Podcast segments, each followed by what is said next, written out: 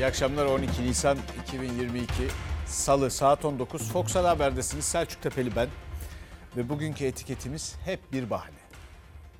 Hep bir bahane genellikle bu ülkede iktidara mensup insanların, siyasetçilerin ağzından duyduğumuz bir şey. İşler yolunda gitmediğinde hep bir bahane. Genellikle bu ülkede işler böyle yürüyor çünkü. Daha önceki iktidarlar döneminde de böyleydi.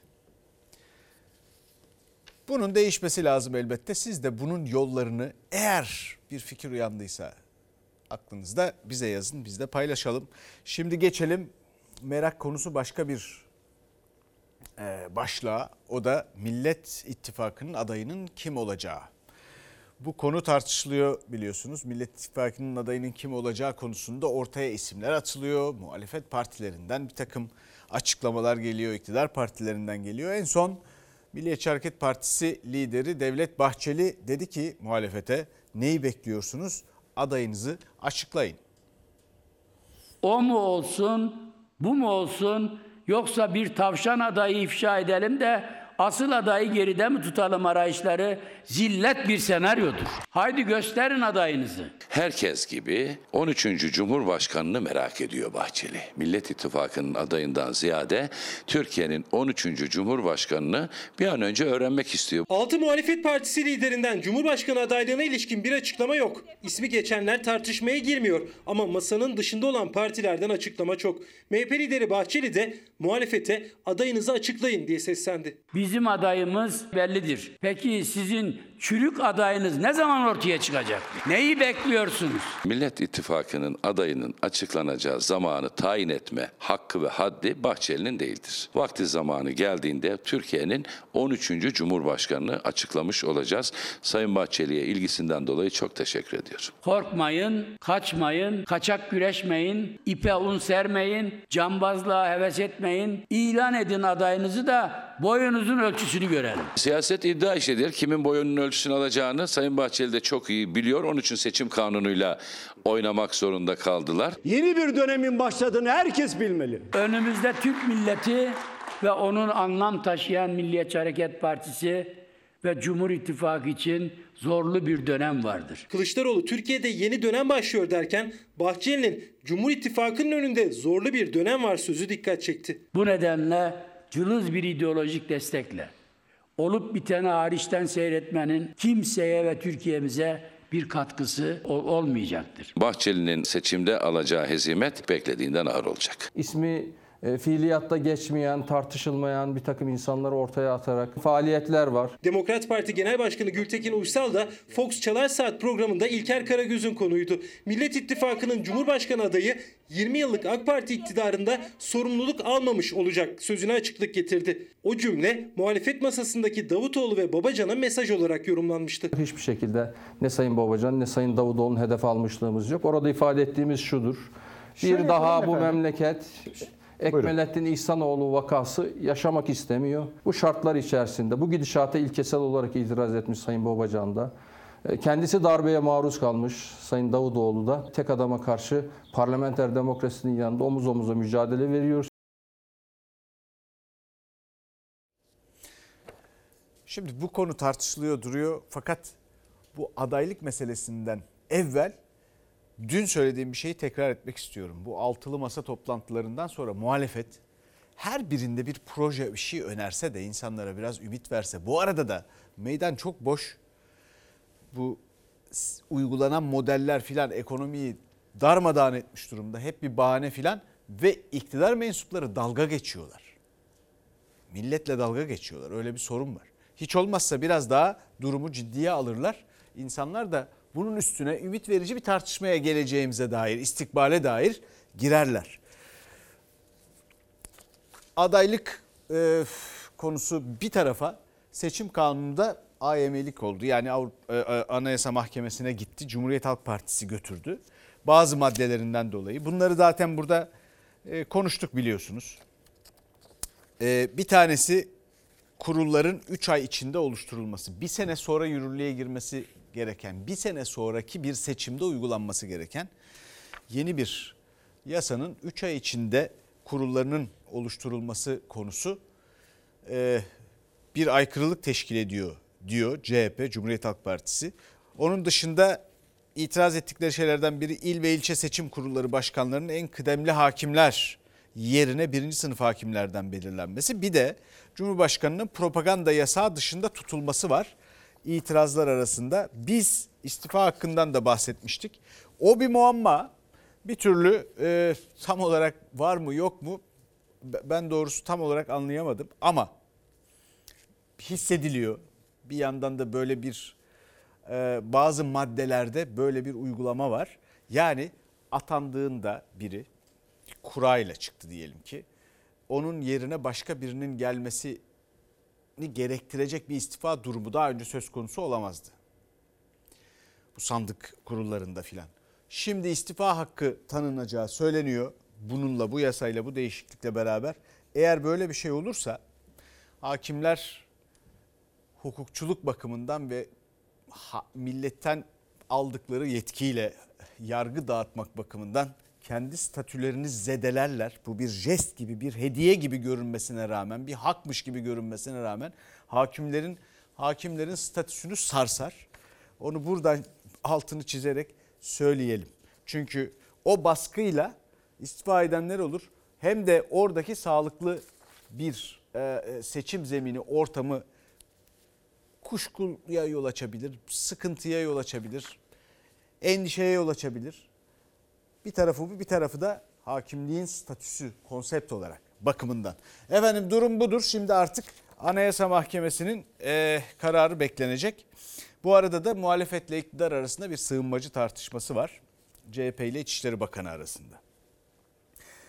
Sınırlarımızın delik deşik edilmesini neden izliyorsunuz? Neyin hazırlığındasınız? Göç idaresine gitmeden bu sorularıma sabırla yanıt bekleyeceğim. Göç idaresine randevu alacakmış da. Kılıçdaroğlu her zamanki gibi saçmalamış gene. Cevap yok. Hakaret var. Oysa benim sorduğum sorular vatanını seven her vatandaşın sorması gereken sorular. Türkiye'nin en büyük sorunlarından sığınmacı meselesi. CHP liderinin sorularına İçişleri Bakanı saçmalamış yanıtını verince CHP lideri grup kürsüsünden seslendi. Siyasette sığınmacı tartışması yaşanırken Şanlıurfa'da sığınmacılar göç idaresini taşladı.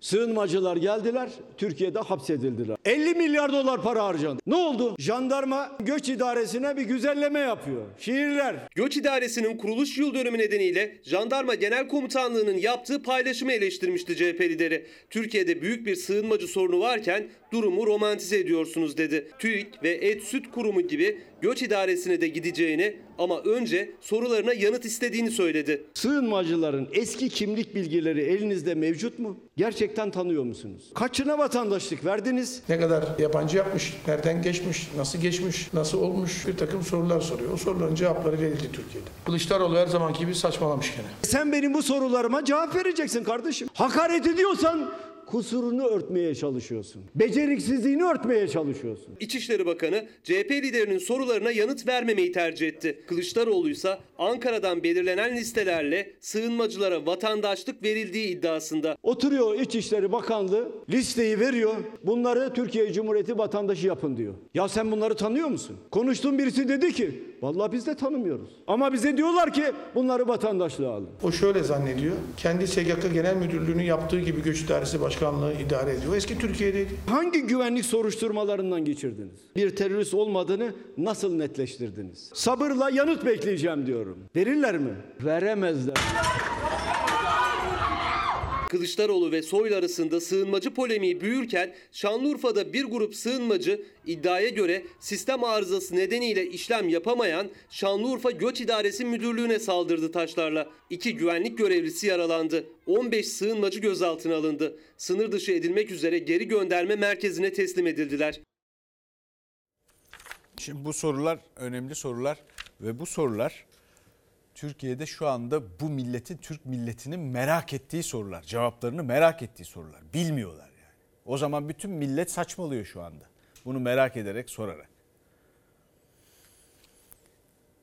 Şimdi Kaşıkçı davasına geçelim. Cumhuriyet Halk Partisi Genel Başkanı Cemal e, Kaşıkçı ile ilgili olarak gazeteci biliyorsunuz Suudi Arabistan'ın İstanbul Başkonsolosluğu'nda katledilmişti kendi ülkesinden e, birileri tarafından parçalara ayrılmıştı. Bununla ilgili olarak Kemal Kılıçdaroğlu para için Türkiye'nin itibarını sattılar dedi. Suudi konsolosluğunda bir cinayet işlendi. Ses kaydı alındı. Bütün dünyaya servis edildi.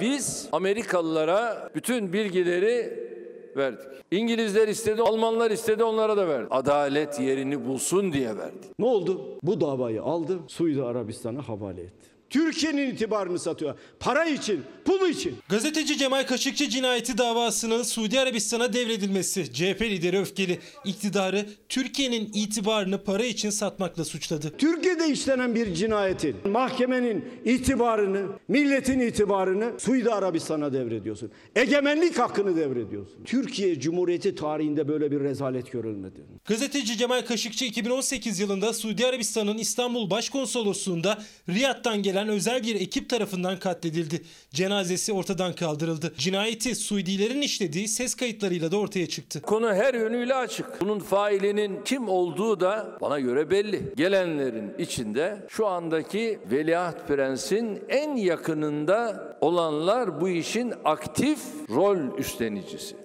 O cinayet Ankara Riyad arasında ipleri kopardı. Cumhurbaşkanı Erdoğan Suudi Arabistan yönetiminin failleri bildiği halde Türkiye'ye iade etmediğini dile getirmişti. Uluslararası hukukta da suçun işlendiği yer burası olduğu için dedik ki verin biz yargılayalım. Bakın vermiyorlar. Sonuna kadar kovalayacağız ki adalet yerini bulsun. Erdoğan kalktı bir konuşma yaptı. Suudlar dediler ki davayı bize devredin. Hayır devretmeyeceğiz dedi. Bunlar dünyayı enayi zannediyor. Bu millet enayi değil hesabı sormasını bilir. Enayi diyordu onlara. Şimdi enayinin de sözünde durmayanın kim olduğu ortaya çıktı. Son dönemde Türkiye-Suudi Arabistan ilişkilerinde yeniden ılımlı bir hava eserken Cumhurbaşkanı Erdoğan Riyad seyahatine hazırlanırken Türkiye Kaşıkçı cinayeti davasını önceki açıklamaların aksine Suudi Arabistan'a devretti.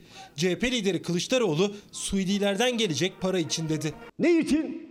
Para için. Ya biz bu memleketi kurarken, Conk bayrağında, Sakarya'da mücadele ederken Allah aşkına para için mi yaptık ya? Ya bu devletin itibarı için yaptık. İslam dünyasından doların veya riyalin kurbanı olanlar bu olaylar karşısında hakkı ve hakikati adalet çerçevesi içerisinde söylemediler. Niye? E, dolarlar gelecek. Sen bana para ver ben sana adaleti devredeyim. Adaleti oraya devrediyorsun. Parayla devrediyorsun. Pulla devrediyorsun. 84 milyonun itibarını devrediyorsun. Kaşıkçı davasını kasten çarpıtanlar, Türkiye'nin 3-5 kuruş adaleti sattığını iddia edenler zillettedir. Bahçeli de buna evet diyecek. Nasıl milliyetçiyse ben şu ana kadar anlamış değilim. Bir devletin egemenlik hakkı başka bir ülkeye devredilir mi ya? Cumhurbaşkanı Erdoğan defalarca altını kalın kalın çizmiş, Kaşıkçı cinayetinin hesabı Türk mahkemelerinde sorulacak demişti. Ama dava artık Suudi Arabistan'da görülecek. Şimdi bunlar ülke çıkarları gereği yapılıyor değil mi? Sorsanız öyledir. Çünkü burada çok net, çok sert bir dönüş var. Yani böylesi çok sık görüleme, görülemiyor biliyorsunuz. Tutum değişikliği. Bir, bir takındığımız bir tutumdan bu kadar sert dönüş. Şimdi bunun gibi daha önce de yapılanlar var ve bunların bazıları öyle feci sonuçlandı ki itibarımız zedelendi. Milletçe bizi doğru dürüst temsil edememiş oldular bir yandan.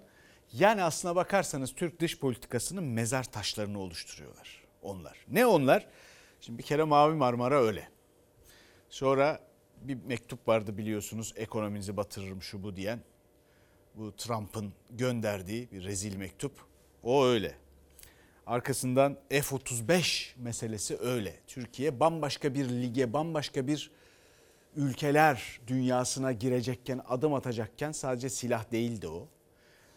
Kandırıldı bizim hükümetimiz. Bir komploya, bir tuzağa düştü ve F-35'ten atıldı. 25 senedir uğraştığımız 12 milyar dolar gelirimiz olan 900 parçasını ürettiğimiz pilotlarımızı yetiştirdiğimiz üstüne 6 tanesinin Türk bayrağı konmuş o projeden birinci e, şu anda dünyanın en iyi e, kendi sınıfındaki en iyi uçağı sayılan başka bizi bir, bir lige sokacak bir şeyden projeden atıldık. Ve bir tanesi de bu işte. Yargılaman gereken kendi ülkende ki o zamanlar iyi bir doğru bir tutumdu o. E o zaman istihbarat teşkilatı da iyi çalıştı. Emniyet de iyi çalıştı. Bir şeyler çıkartıldı falan filan. Bir dava açıldı. Türkiye'ye bu bölgede Suudisi Mudisi bu yüzden saygı duyuyor. Kendi işini bilen yapan tutarlı bir devlet burası. Öyle sınırları onun bunun tarafından çizilmemiş. Böyle aşiret bilmem nesi şeyh meh bilmem ne yönetmiyor. Bu ülkeyi bu millet yönetiyor. O milletten aldığı yetkiyle de hakimler karar veriyor. Bu ülkede bütün kamu görevlileri yetkilerini böyle kullanıyorlar. Şimdi işte para pul uğruna bundan vazgeçin. Sonra Araplar size saygı duysun. Bekleyin duyarlar. Bekleyin. Ha başkaları yapıyor. Başkaları böyle yapmıyor. Amerikalısı şusu busu böyle yapmıyor. Senin ülkende işlendi bu. Onların ülkesinde olsaydı onlar bunu asla devretmezlerdi. İn, kendi toprağına, kendi insanına ve kendi kanunlarına saygı duymayana dünyada kimse saygı duymaz. İhracatını da arttıramazsın. Doğru dürüst para da kazanamazsın. Buradan bir yere varamazsın yani. Efendim ekonomiden devam edelim. Vatandaşın en önemli gündemi biz böyle hukuk felsefelerine şuna buna giriyoruz tabii ama pek çok e, kıymetli izleyicimiz yazıyor. İşte e, 6 ay önce 3.25 olan 1, lit, 1 litrelik kutu sütün fiyatı e, 8.90 olmuş. Ekonomi hep iyi, hiç sorun yok. Her sorun karşısında hep bir bahane demiş. Evet, büyük meseleler var. Bu en önemli gündem. Milliyetçi Hareket Partisi bugünkü grup konuşmalarında Milliyetçi Hareket Partisi lideri Devlet Bahçeli enflasyon gelip geçici Müslümana karamsarlık haram dedi. Cumhuriyet Halk Partisi lideri e, Kemal Kılıçdaroğlu da çalışmak, yolsuzluk 128 milyar çalmak, yolsuzluk yapmak, 128 milyar doları iç etmek haram değil mi diye cevap verdi. Fiyat artışları, zamlar, hayat pahalılığı hepsi gelip geçicidir. Müslümana karamsarlık haramdır. Bu beylere göre çalmak, yolsuzluk yapmak, 128 milyar doları iş etmek haram değil, karamsarlık haram. MHP lideri Bahçeli'nin geçim derdi, hayat pahalılığı karşısında karamsarlık, haram sözlerine birkaç saat sonra Kılıçdaroğlu'ndan yanıt geldi. Bahçeli'nin mesele açlık değil egemenlik sözleri de muhalefeti konuşturdu. Biz de gidiyoruz bir yerlere. Ceplerimiz kağıtlarla doluyor. Açım diyor, feryat ediyor. Mesela az yedik, çok yedik, aç gezdik, tok gezdik meselesi değildir. Bugün eksikse yarın tamamlanacaktır. Yeter ki Türkiye Cumhuriyeti egemenlik haklarıyla var olsun. Aç kalmamızın veya yoksullaşmamızın nedeni ülkenin kötü yönetilmesi. Bir ülke kötü yönetiliyorsa o ülke egemenlik haklarına da sahip çıkamaz. Vatan olmadıktan, millet yaşamadıktan sonra az yesek ne olur, çok yesek neye yarar? Vatan namustur, namusun fiyatı ve ekonomik değeri ise asla olamayacaktır. Her sıkıştıklarında vatan millet diyorlar. İşi oraya taşımasınlar. Vatandaş ekmek bulamıyor. Çocuğuna süt alamıyor. Evine et alamıyor. Dangul dungul konuşan Kılıçdaroğlu ve Zillet İttifakı neyden bahsediyor? Türkiye'yi hangi hakla kötü gösteriyor? Bu ülkenin bütün gıda egemenliği dış ülkelere bağlı. Rusya'dan ve Ukrayna'dan buğday almasanız sofranızda ekmek yok. Ekonomik sıkıntı varsa hepsini aşarız. Sabırla, sebatla, Halka sabır tavsiye edenlerin bir gün çıkıp da beşli çeteye garanti ödemelerini durduruyoruz dediğini hiç görmedik. Muhalefet ekonomik krizin nedeni ekonomi yönetimi derken Ekonomi Bakanı Nurettin Nebati de iftarda konuştu. Ekonomide alınan her karar Cumhurbaşkanımızın dedi. Bu çalışmanın önderi de lideri de Sayın Cumhurbaşkanımız Recep Tayyip Erdoğan. Anlıyor, biliyor, ona göre politikalarını oluşturuyor. Biz kabine mensupları da yerine getirmeye gayret ediyoruz. Tek adam rejimi denilen şeyin bir itirafıdır bu. Bakan Nebati şunu söylemeye çalışıyor. Yarın bir gün başarısız olursak bu başarısızlığın sebebi biz değiliz. Cumhurbaşkanı çünkü bütün kararları zaten o verdi. Biz uygulayıcıydık. Bakan Nebati'nin her kararı Cumhurbaşkanımız alıyor açıklaması. Bahçeli'nin açlık geçici, karamsarlık haram sözleri. Ekonomiye dair kurulan her cümle muhalefet cephesinde böyle yankılandı. Aman Cumhurbaşkanı Erdoğan'ın dikkat etmesinde fayda var. Nurettin Nebati'nin yani orada e, Hazine ve Maliye Bakanı'nda kayışlar kaçırmaya başlamış gibi görünüyor. Yani bir yandan da söylediği şey bütün kararları Cumhurbaşkanımız alıyor. Bu sorumluluktan kaçmak değilse nedir? Ne planlıyor? Aman gözünüz üstünde olsun.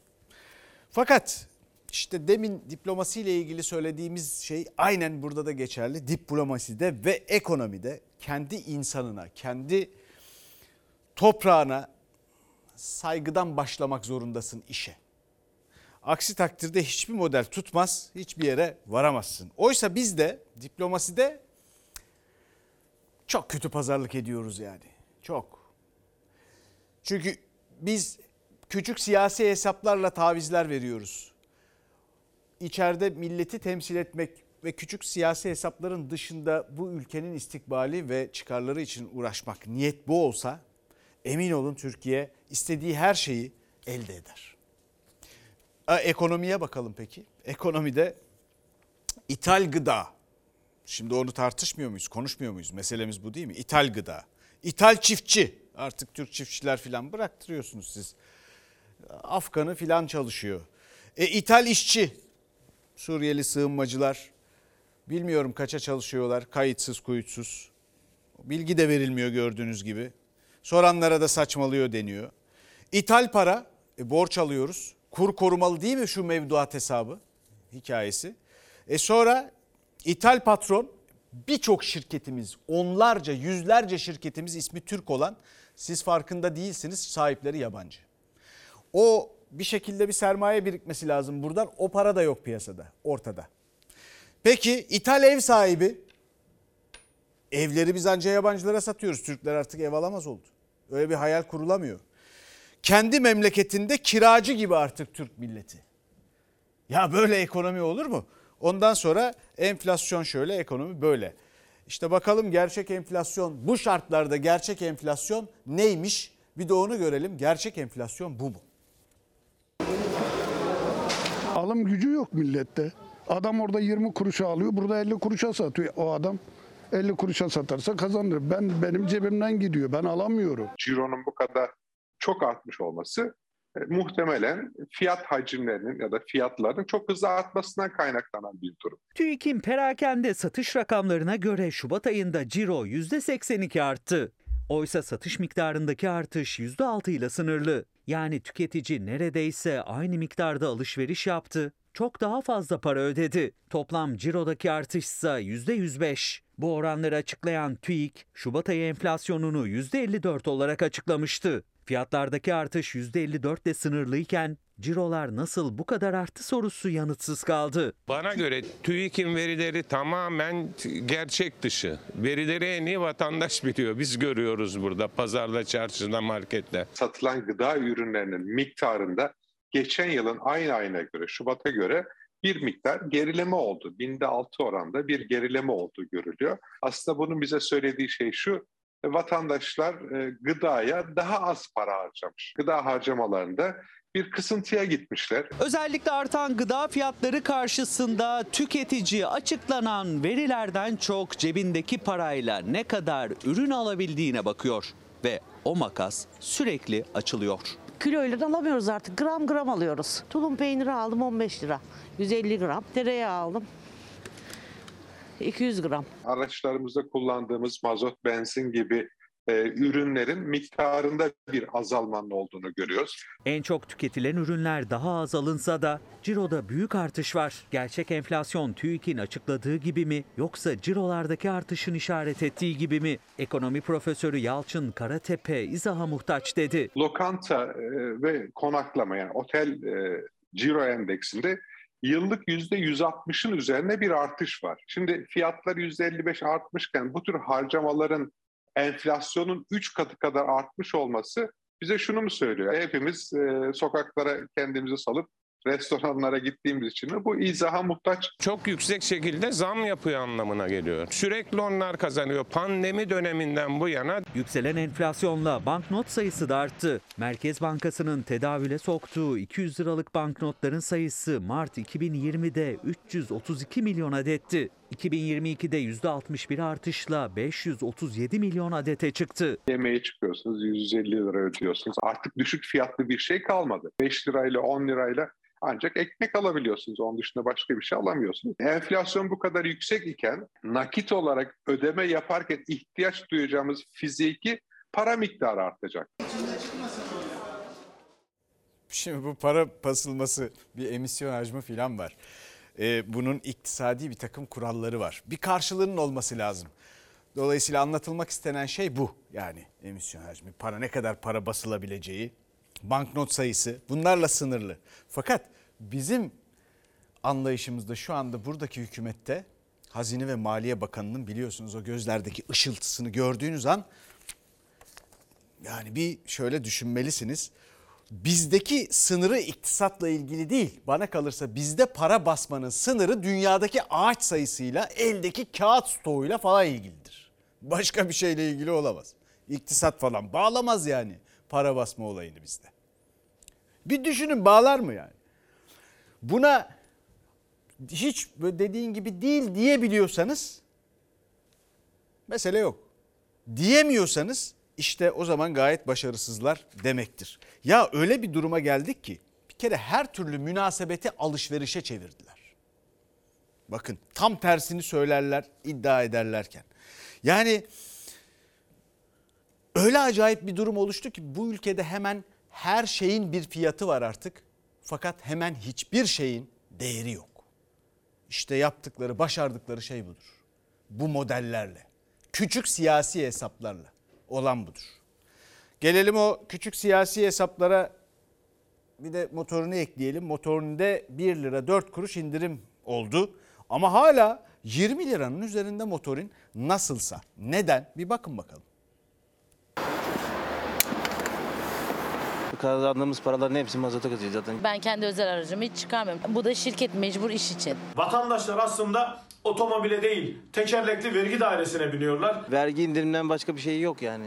Sadece o var şu an elimizde.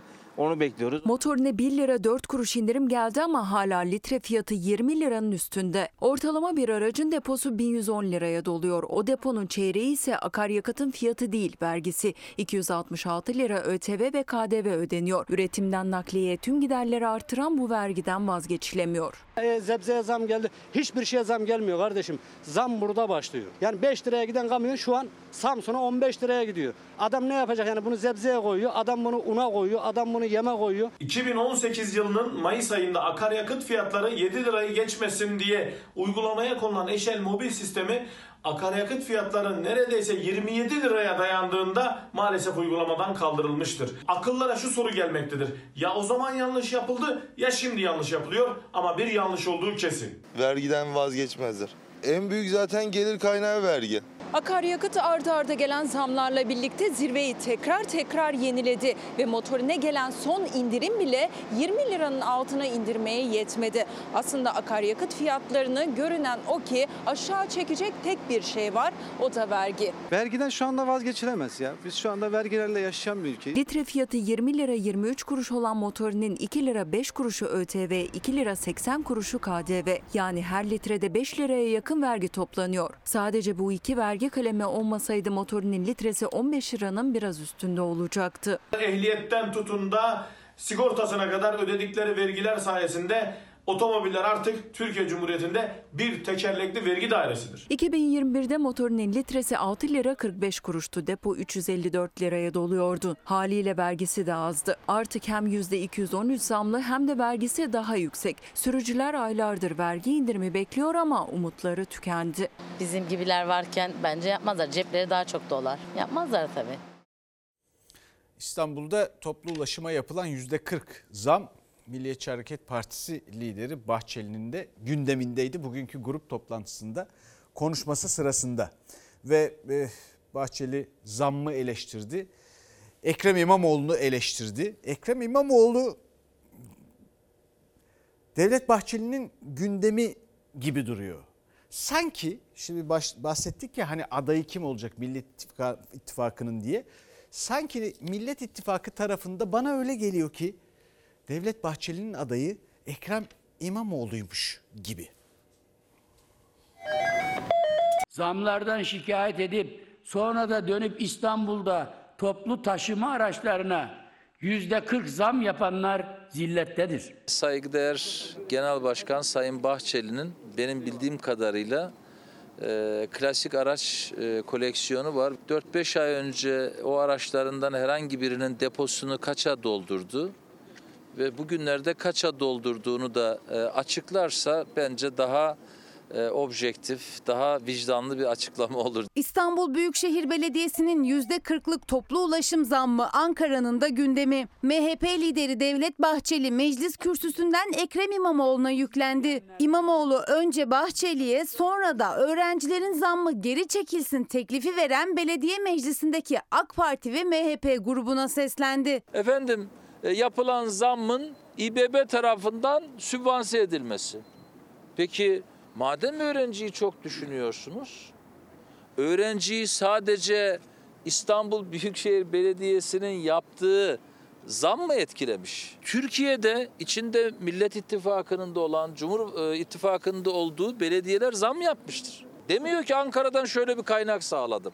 %40'lık ulaşım zammının öğrencilere uygulanmaması teklifi komisyonda. Sonucu için bir süre daha beklenecek. Raftan inen başlıksa Atatürk Havalimanı. İmamoğlu ile Ulaştırma Bakanı'nı karşı karşıya getirdi. Atatürk Havalimanı bu toplumun vicdanında hala kapanmadı. Atatürk Havalimanı hikayesi kapandı gitti. Sen git yapılmamış ihalenin parasını nasıl ödettiğinin hesabını ver. Hakkında zimmet davası var. Soruşturma dosyasına İçişleri Bakanlığı el koydu. 20 milyon lira ve bu 4 yıl öncesinin parası.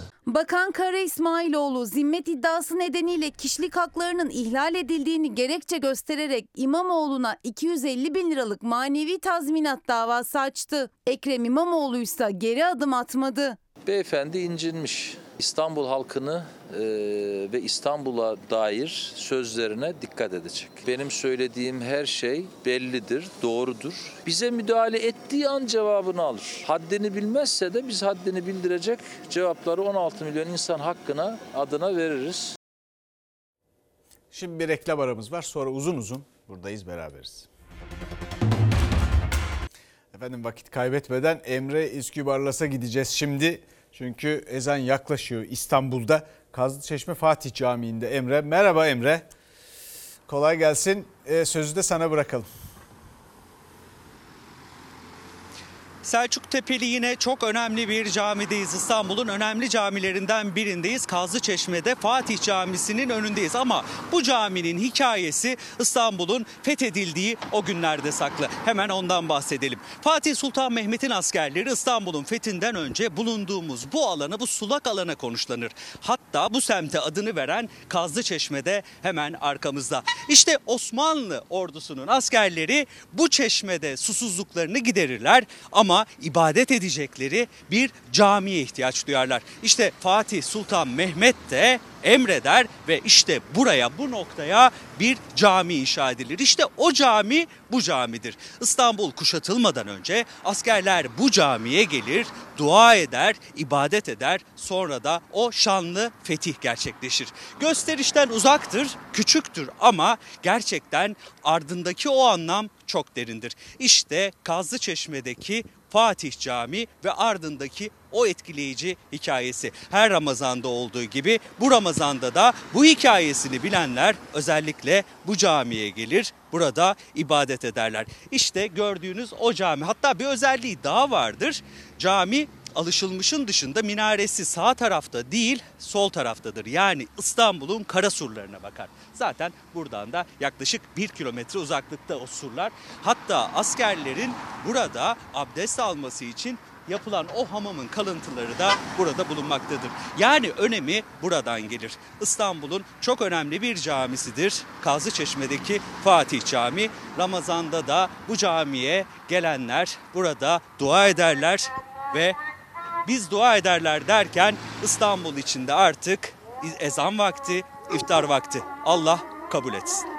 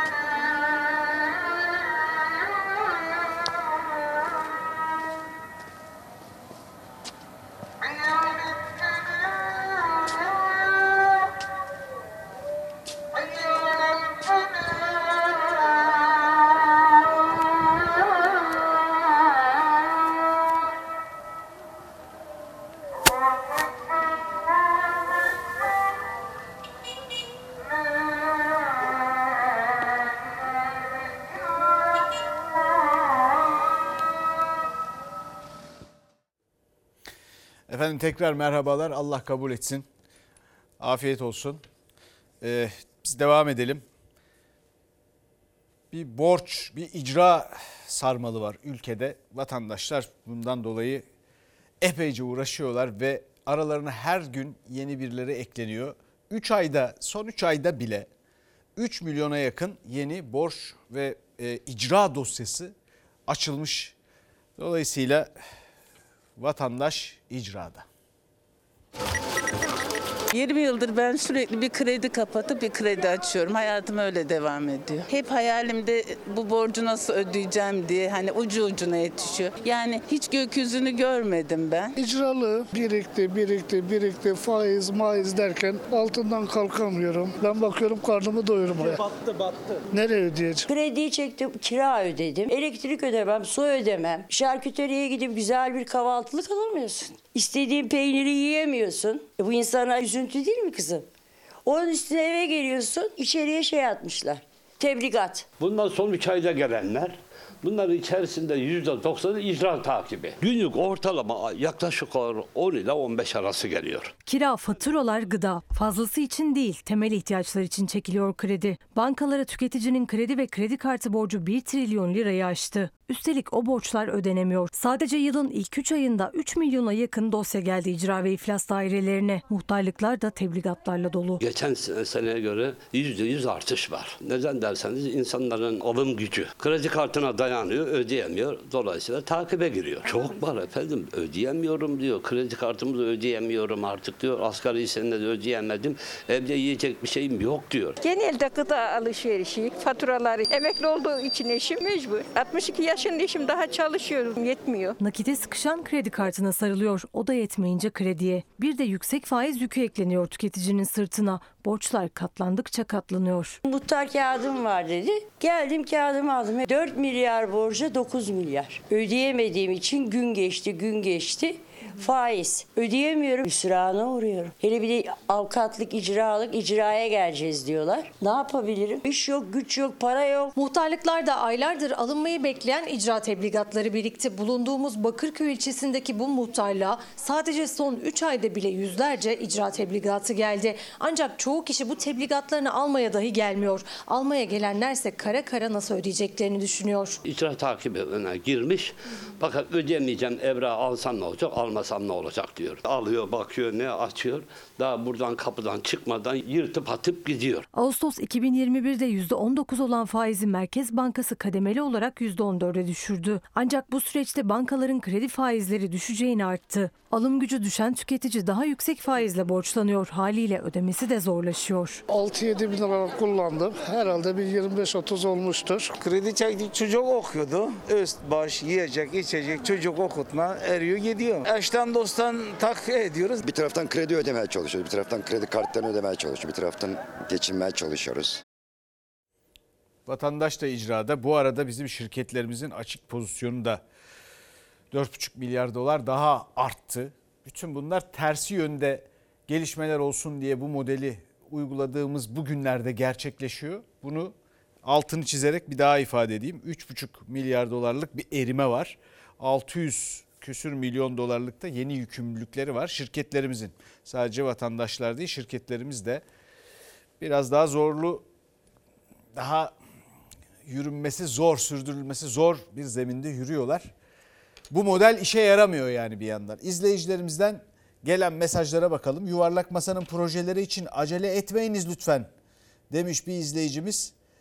Zamanı geldiğinde açıklanır çünkü maalesef kopyacılar, yıpratıcılara malzeme verilmemesi böyle güzel demiş. Efendim ben buna hiç katılmıyorum.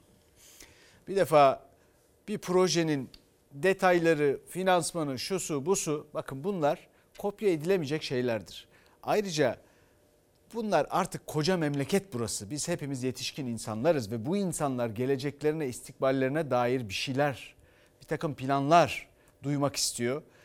Yollarını, önlerini görmek istiyorlar. Emin olun insanları daha çok ilgilenmeye sevk edecektir bu. Aksi takdirde bu böyle efendim ilkokulda mıyız biz o ondan almasın da bu bunun detayları finans bunları açıklamayacaksınız. Bunun başında bir başlığı olacak ya. Sürekli tencereden bahisle bu iş olur mu? Bir tencerenin içine hapsoldu Türkiye'nin gündemi. Orada kalmamalılar işte. Tencere değil İsviçre gibi olacağız diyeceksiniz. Ne bileyim bir şey bulacaksınız. O kadar zor değil. Kopya çekilecek bir şey değil. Bu arada arkadaşlarım bu Millet İttifakı'nın adayı konusunda Ekrem İmamoğlu e, o kadar eleştiriyor ki Devlet Bey Ekrem İmamoğlu Devlet Bahçeli Milliyetçi Hareket Partisi lideri o kadar eleştiriyor ki sürekli gündemde tutuyor. Dolayısıyla o tarafta tercih ettiği aday sanki o gibi dedim. Havada kalmış olabilir mi diye sordu arkadaşlarım. Bunun üstünden bir kere daha böyle e, değinmiş olalım. E, dolayısıyla Devlet Bey'in adayı belli zaten kendisi açıkladı Cumhur İttifakı tarafında hatta tek açıklayan da o. Cumhurbaşkanı Recep Tayyip Erdoğan biliyoruz. Ee, öbür tarafta eleştirdi, eleştirdiği için ve sürekli eleştirdiği için gündemde tuttuğundan dolayı diyorum ki acaba Ekrem İmamoğlu'nu o taraftaki aday olarak mı tercih ediyor diye sordum. Efendim mesajlarımızdan devam ederiz sonra. Şimdi memurlarımız da e, memurlar emeklilerimiz, memur ve işçi emeklilerimiz hepsinin istediği bir şey var. Bu haber memurlarla ilgili ama emin olun bu ülkede çalışan herkes, emekli herkes bunu istiyor. Bu arada banka emeklileri var. Onlar hiçbir şeyden faydalanamıyor. Mesajda yazıyorlar. Bir de onların haklarının bu ikramiyeler filan böyle şeylerden dolayı altını çizerek söylemek isterim. Efendim herkes enflasyon ve kur koruması istiyor artık. Memur enflasyon farkını her ay istiyor.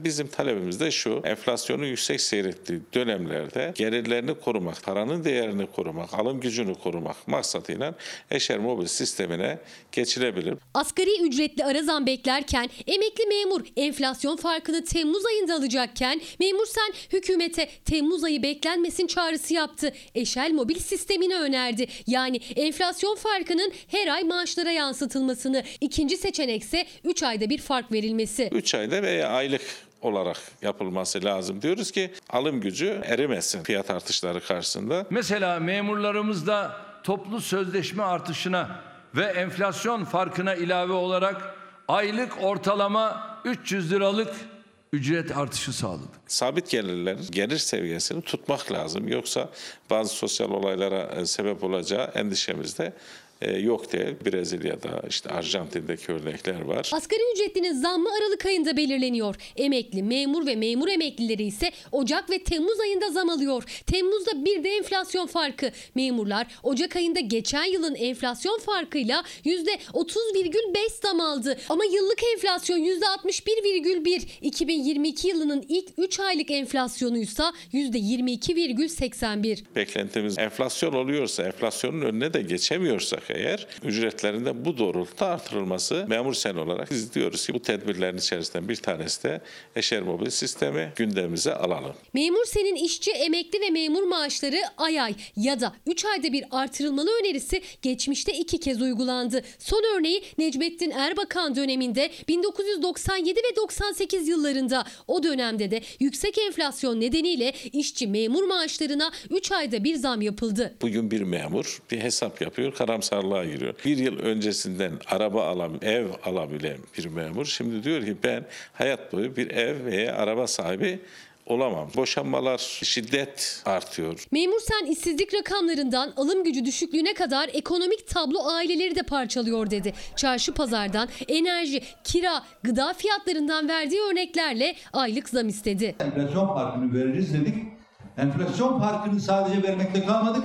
Refah payı Bizim enflasyon zammıyla birlikte almış olduğumuz rakam kötü değildi ama o gün iyiydi. Bir ay sonra değerini kaybetti. 17 lira kilosu sütün. Çocuğu olanları düşünüyorsun. E, cidden sıkıntılı bir durum. Cumhurbaşkanı daha önce asgari ücret zammı için Aralık ayını işaret etti. Emekli ve memurlar için Temmuz ayını. Memur sen aylık ya da 3 aylık enflasyon farkı isterken toplu sözleşmenin süresine de dikkat çekti. Hatta bize 2 yılda yapılan bu toplu sözleşmenin de anlamsız kaldığı da ifade edilmeye başlandı. Üyelerden böyle bir talep var.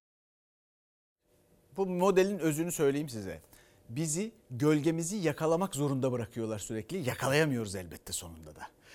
Çünkü bir zam yapılsa bile zaten o şu ya da bu biçimde para basıldığı için her şeye zam geldiği için eriyor gidiyor. Yapılmadan önce daha cebinize girmeden önce gölgesini yakalamak zorunda olan insanların ülkesi burası. Ama yakalamak mümkün mü? Fiziken mümkün değil. Bu modelin özü budur. Gölgemizi yakalatmaya çalışıyorlar. Peki enflasyon, kur koruması filan bir sürü yeni yeni enstrüman çıkarıyorlar. Hiç vatandaşı, emekliyi, işçiyi, çalışanı, memuru düşünen yok. Düşünen yok. E onlara da verin. Kur korumalı maaş verin. Enflasyon korumalı maaş verin. Ya hep kodamanlara vermeyin bunu. Hep bir bahane. Hep onlara veriliyor bu. Bu imkanlar, bu çeşitli imkanlar. Şimdi kiraya meselesine geldik. Bu geçen hafta da söyledim. Bu bu ülkede ciddi sosyal sorunlar yaratmaya adaydır. Herkes birbiriyle çatışma halinde. Gerçi herkesi birbirine bir şekilde birini suçlu ilan edip bir, kıs, bir, bir bölümümüzü mağdur gibi görüp bir, bir süre sonra o mağdur gördüklerini suçlu ilan edip filan yürüyor bu işler. Dolayısıyla herkes karşı karşıya geliyor.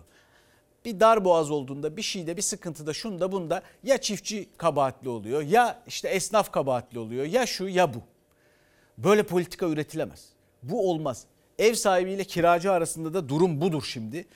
Ve kira artışında bir tavan mümkün mü sorusu sorulmaktadır.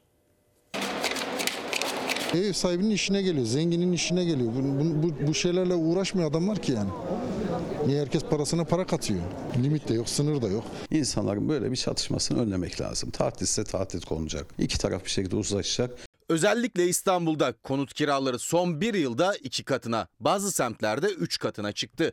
Ev sahiplerinin Nisan ayında yapabilecekleri en yüksek zam oranı %29,88. Ancak bazıları çevredeki evlerin kiralarına bakıyor, yasal olmasa da daha fazlasını istiyor. Hatta sözleşmede olmamasına rağmen ara zam yapmaya çalışanlar bile var. Kirada tavan fiyat uygulaması gündemde. İlk defa yılda iki kere yapmaya çalıştı. Nereden baksanız %60'a falan tekabül etti yani. 1200 liraydı kiramız. 2200 liraya e, faturasını kesti. Bazı ülkelerde e, tahdit olduğunu duyuyoruz yani belli bir tahdit konduğunu. Bu tavan fiyatı fikrini kim tespit edecek o önemli. Kesinlikle çok uzman bir ekiplerin bu işi hem ekonomistlerin hem değerleme uzmanlarının hepsinin ortaklaşa bir çalışması sonucu olması lazım. Almanya'da kiraların yükseldiği Berlin'de de gündeme gelmişti tavan fiyat. Yargıdan döndü. Ancak İstanbul'da kiralar enflasyonun çok üstünde arttı. Kiracılar formül istiyor. Bayağı bir yüklü zam oldu. %40'ı 50'yi buldu galiba. Her şeyde taban fiyat belirlensin ki. Bu işe bir çözüm bulunmazsa çok kötü ya. Zam günü yaklaşan kiracılar kara kara ev sahiplerinin ne kadar zam yapacağını düşünmeye başladı bile. Çünkü bazı ev sahipleri yasal artış oranının üzerinde zam talep edebiliyor ya da kiracısının evi boşaltmasını isteyebiliyor. Tam da bu noktada uzmanlar ev sahiplerini uyarıyor. Evini tuttu 2 ay ödedi 3 ay ödedi ödemeyecek. Yani bu gayet açık net. Bu istenen fahiş kiraları çok sağlıklı değil. Yani e, hep söylüyoruz biz 10 bin 15 bin ödeyecek adam gidip zaten taksit ödeyip ev satın alır. Yani gelip senin evini tutmaz o fiyata. Kiraların zaten şeyi yok, sınırı yok yani. Herkes tutturduğuna. Biri oturuyordum adam 3 lira istedi. Ya da işine gelmiyorsa çık dedi. Fahiş kira zamları yasal değil. Sözleşme bitmeden evden çıkarmak da öyle. Oysa İstanbul'da planlama ajansına göre 1 milyon 800 bin boş konut var. Konutta önü alınamayan fiyat artışı boş konutların bile kirasını arttırıyor. Piyasa yükseldikçe ev sahipleri de hep daha fazlasını istiyor. Üst sınır semtine göre değişir. Ataköy'de farklı olur. Bağcılar'da farklı olur. En azından kimse herkesin ne yapacağını bilir. Ne ödeyeceğini bilir. Sabit gelirli insanlar için büyük bir rahatlık olur. Canlar ne zaman isterse zam yapıyorlar zaten. Zam gününü bekliyoruz. Kara kara düşüneceğiz. Başka çaremiz yok. Şimdi bu boş konut haberde de izlediniz. İstanbul e, ne ajansıydı arkadaşlar haberdeki? Hatırlayamadım şimdi. Kalkınma Ajansı mıydı? İstanbul Büyükşehir Belediyesi'ne bağlı bir ajansın verdiği rakamda İstanbul'daki boş konut sayısı 1 milyon 800 bin diyorlar. Bu İstanbul Planlama Ajansı. Bu kaydı kuydu olmayanların içinde yaşayıp yaşamadığını bilmediğimiz konutlar da bu sayının içine giriyor olabilir. Onu biz bilmeyiz. Elbette bunu paylaşmalılar. Şeffaflık bunun için var. E, vergisini şunu bunu arttırıyorlar mı boş konutların? Mesela onu sormak lazım. Niye boş duruyor? Her boş durduğu belli bir süre için vergisini niye arttırmıyorsunuz? Bir de TÜİK verileriyle bakın size söyleyeyim 2013'ten bu yana yapılan her 4 yeni konuttan biri Türkiye'de yeni konut boş. Türkiye'de İstanbul'da bu oran 3'te 1'e 4'te 1'den 3'te 1'e iniyor. Yani ülkede 1 milyondan fazla İstanbul'da 200-250 bin kadar boş konut var yeni. 2013'ten sonra yapılan. Tamamını düşündüğünüzde ne kadar olduğunu hesap edin. Barınma hakkı bir insan hakkı. Anayasal hak. İnsanları bu ülke, bu devlet, bu hükümet barınma haklarını garanti etmek ve bir şekilde barındırmak zorunda. Bunu nasıl yapacak? Kiraya bir tavan fiyat mı uygulayacak? Becerebilir mi bunu? Ya da kira artışı var bir tavanı onun ama uygulanıyor mu? Nerede ne kadar uygulanıyor? O da ayrı bir konu. Bu böyle süremez. Böyle süremez. Ve biz son 20 yılda 60 milyar dolar betona büyük ölçüde de konut inşaatına para harcadık bu ülke. 60 milyar dolar. 2 milyar ton beton döküldü bu ülkede. Tarlalarımızın üstünü kapladık şu oldu bu oldu ve hala durum buysa hala bir kira ve konut meselesi varsa hala kentsel dönüşüm depremden hala korkuyorsak bu kadar korkuyorsak bu da çözülememişse ya bütün ekonomiyi dayandırdıkları ekonominin sırtını dayadıkları yer inşaat bu da başarılamamışsa hep bir bahane bunun bahanesi ne peki? Yani bu inşaat sektörü ne istediyse almadı mı? Gerçi hepsi almadı ayrı mesele pek çok zor durumda kalmış müteahhit var kamu müteahhitleri var.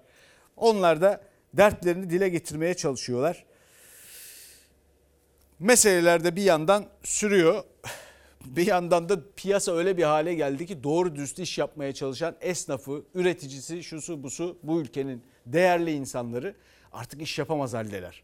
Yani nerede yolsuz yordamsız iş yapmaya çalışan var onlar nedense tefecisi şusu busu daha rahat hareket eder oldu. Bu model böyle bir şeye doğru götürüyor. Bu galiba sultanizmin neticesi işte bu cumhurbaşkanlığı hükümet sistemi var ya ona Jean Baudin daha 16. yüzyılda söylediği bir şey var sultanizmdir bu diye. Ona benziyor bunun bir neticesi. Efendim şimdi tarıma çiftçimize bakalım. Bir buğday korkusu var. Çünkü hastalık var. Gübre atılamadığı için buğday zayıf diyen çiftçilerimiz var. O buğday korkusunu izleyelim şimdi.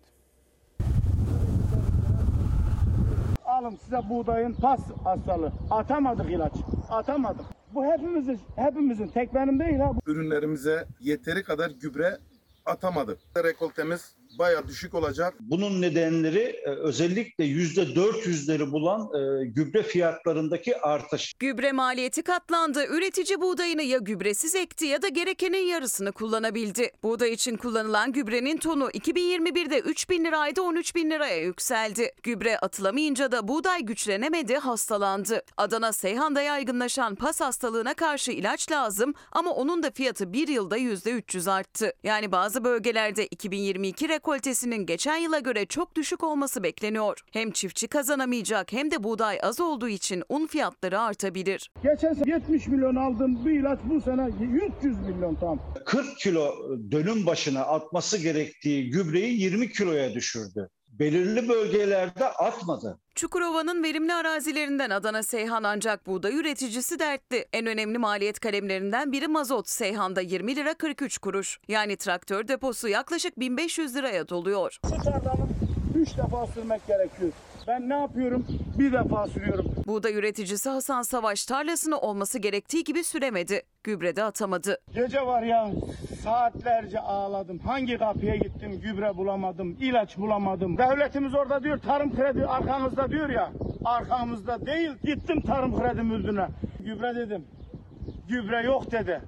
Müdürüm mazot dedim yok dedi. Birçok üreticinin durumu aynı maliyet kalemleri zamlandıkça üretimin gereklerini yerine getirmekte zorlandılar. Haliyle buğday güçlü yetişemedi. Yağmur yağdıkça Seyhan ilçesindeki buğday tarlalarında pas hastalığı görülmeye başlandı. Eğer gübre gerektiği kadar atmazsa 600 kilo verecek bir gübreden 250 kiloyu zor alırız. Benim traktörümün bir tanesi icrada satıldı. Benim gibi alın teri hiçbir yerden gelir olmayan inan valla valla hepsi icralı. Tarım kredi icra koymaz.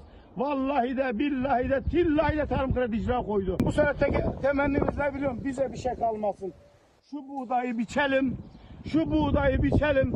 Mazotçuyu, gübreci, ilaççıyı ödesin yeter hemşerim. Türkiye 20 milyon ton buğday bekliyorsa 12-13 milyon tonlara yaklaşacak bir e, rekolte söz konusu olacaktır. Bunun sonucu da ithalat tabii. Eğer buğday bulursanız yani dünyada en çok ithal ettiğimiz ülkelerin başında Rusya geliyor. Ukrayna geliyor. Türkiye'nin buğday ithalatı yaptığı iki önemli ülke savaşta yani bu sene ithalat da zor. Dert sadece üreticinin değil tüketicinin de derdi artık. Gittikçe artan enflasyonla karşı karşıya kalacağız. Bu pahalılıkla seneye ürün ekemeyeceğiz gibi görünüyor.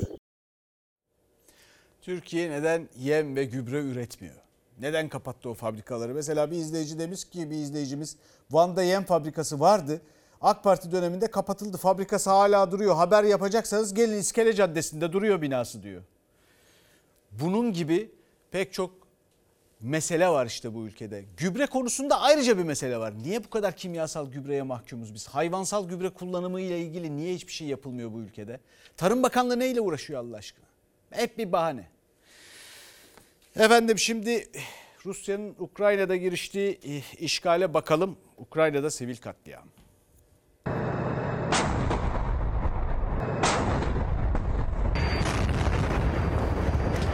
Mariupol'de savaşın başından bu yana 10 bin kişinin hayatını kaybettiği öne sürüldü. Rusya'nın Harkiv'e düzenlediği roketli saldırılarda siviller ölümden döndü.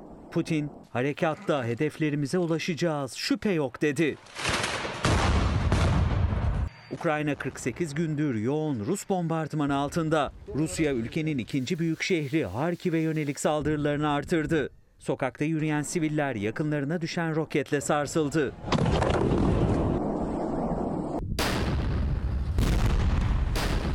Başka bir roketli saldırıda bu kez araç sürücüleri ölümden döndü. İtfaiyeciler bombardımana tanıklık etti.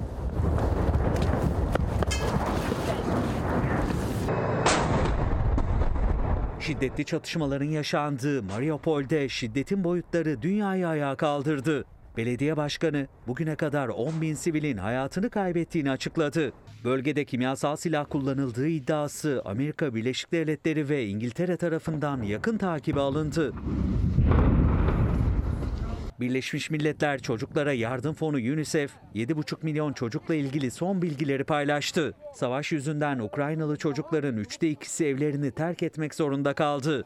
Çocukların çoğu yeterli gıdaya ve temiz suya erişemedi. Rus lider Vladimir Putin, Ukrayna topraklarındaki askeri operasyonların hedeflerine ulaşıncaya kadar devam edeceğini söyledi. Avusturya Başbakanı Nehammer'le görüşmesinde İstanbul'daki müzakerelere hala güvendiğini söyleyen Putin, 24 saat içinde fikir değiştirdi. Ukrayna ile müzakerelerin çıkmaza girdiğini, Kiev yönetiminin İstanbul'daki anlaşmadan uzaklaştığını savundu. Şimdi bir de New York'a gidelim. New York'ta New York metrosunda bir saldırı vardı bugün. Bakalım neler olmuş. Silahlı saldırgan New York metrosunda rastgele ateş açtı. 16 kişi yaralandı. Amerika Birleşik Devletleri güne New York metrosuna yapılan saldırı haberiyle başladı. Saat sabah 8.30'u gösteriyordu. Brooklyn'in Sunset Park bölgesinde metro istasyonu kalabalıktı. Yüzüne gaz maskesi takan, işçi yeleği giyen bir saldırgan tren seyir halindeyken vagonda rastgele ateş açtı. Metro durağa geldiğinde yolcular panikle dumanla kaplı vagondan kendini dışarı attı. Saldırgan hızla olay yerinden kaçtı. Saldırıda 8'i silahla 16 kişi yaralandı. Metro seferleri durdurulurken polis saldırganı aramaya başladı. Saldırıda önce patlayıcı düzenekler kullanıldığı duyuruldu. Ancak New York polisinin yaptığı aramada aktif patlayıcı cihaz bulunamadı. Saldırının nedeni henüz bilinmiyor. Terör saldırısı olup olmadığı araştırılıyor. Efendim bugün bir dakikada bu konut meselesinden ve bu, bu gerçekten bizim için önemli olan boş konutlar, bunun regüle edilmesi, kira fiyatları, ev fiyatları bunlardan biraz bahsedelim istiyorum. Türkiye'de bir kere bütün bu 60 milyar dolarlık 2 milyar ton beton döktük son 20 yılda diyorum ya. Türkiye'de insani yaşam standartlarına uygun konut oranı hala %10'un biraz üzerinde. Ya 10 konuttan birinden bahsediyoruz. Nasıl başarısızlık yani. Bir de İstanbul gibi dünyanın önemli büyük pek çok şehrinde Paris gibi, Amsterdam gibi oraların en büyük ev sahibi o şehirlerin belediyeleridir. Onlar kiralar uzun vadeli ve kira fiyatları konusunda bir regüle etme, o ortamı yönetme şansı yakalarlar. Bizim bununla ilgili yeni bir teknoloji geliştirmemiz, üstüne düşünmemiz lazım. Efendim şimdi bir reklam arası sonra veda etmek için tekrar burada olacağız. Efendim bizden sonra evlilik hakkında her şey dizisi var. Yeni bölümüyle yarın görüşmek üzere. İyi akşamlar. Feda bir tek dostuma Her köşesi cennetin ezilir yerler için Bir başkadır benim memleketim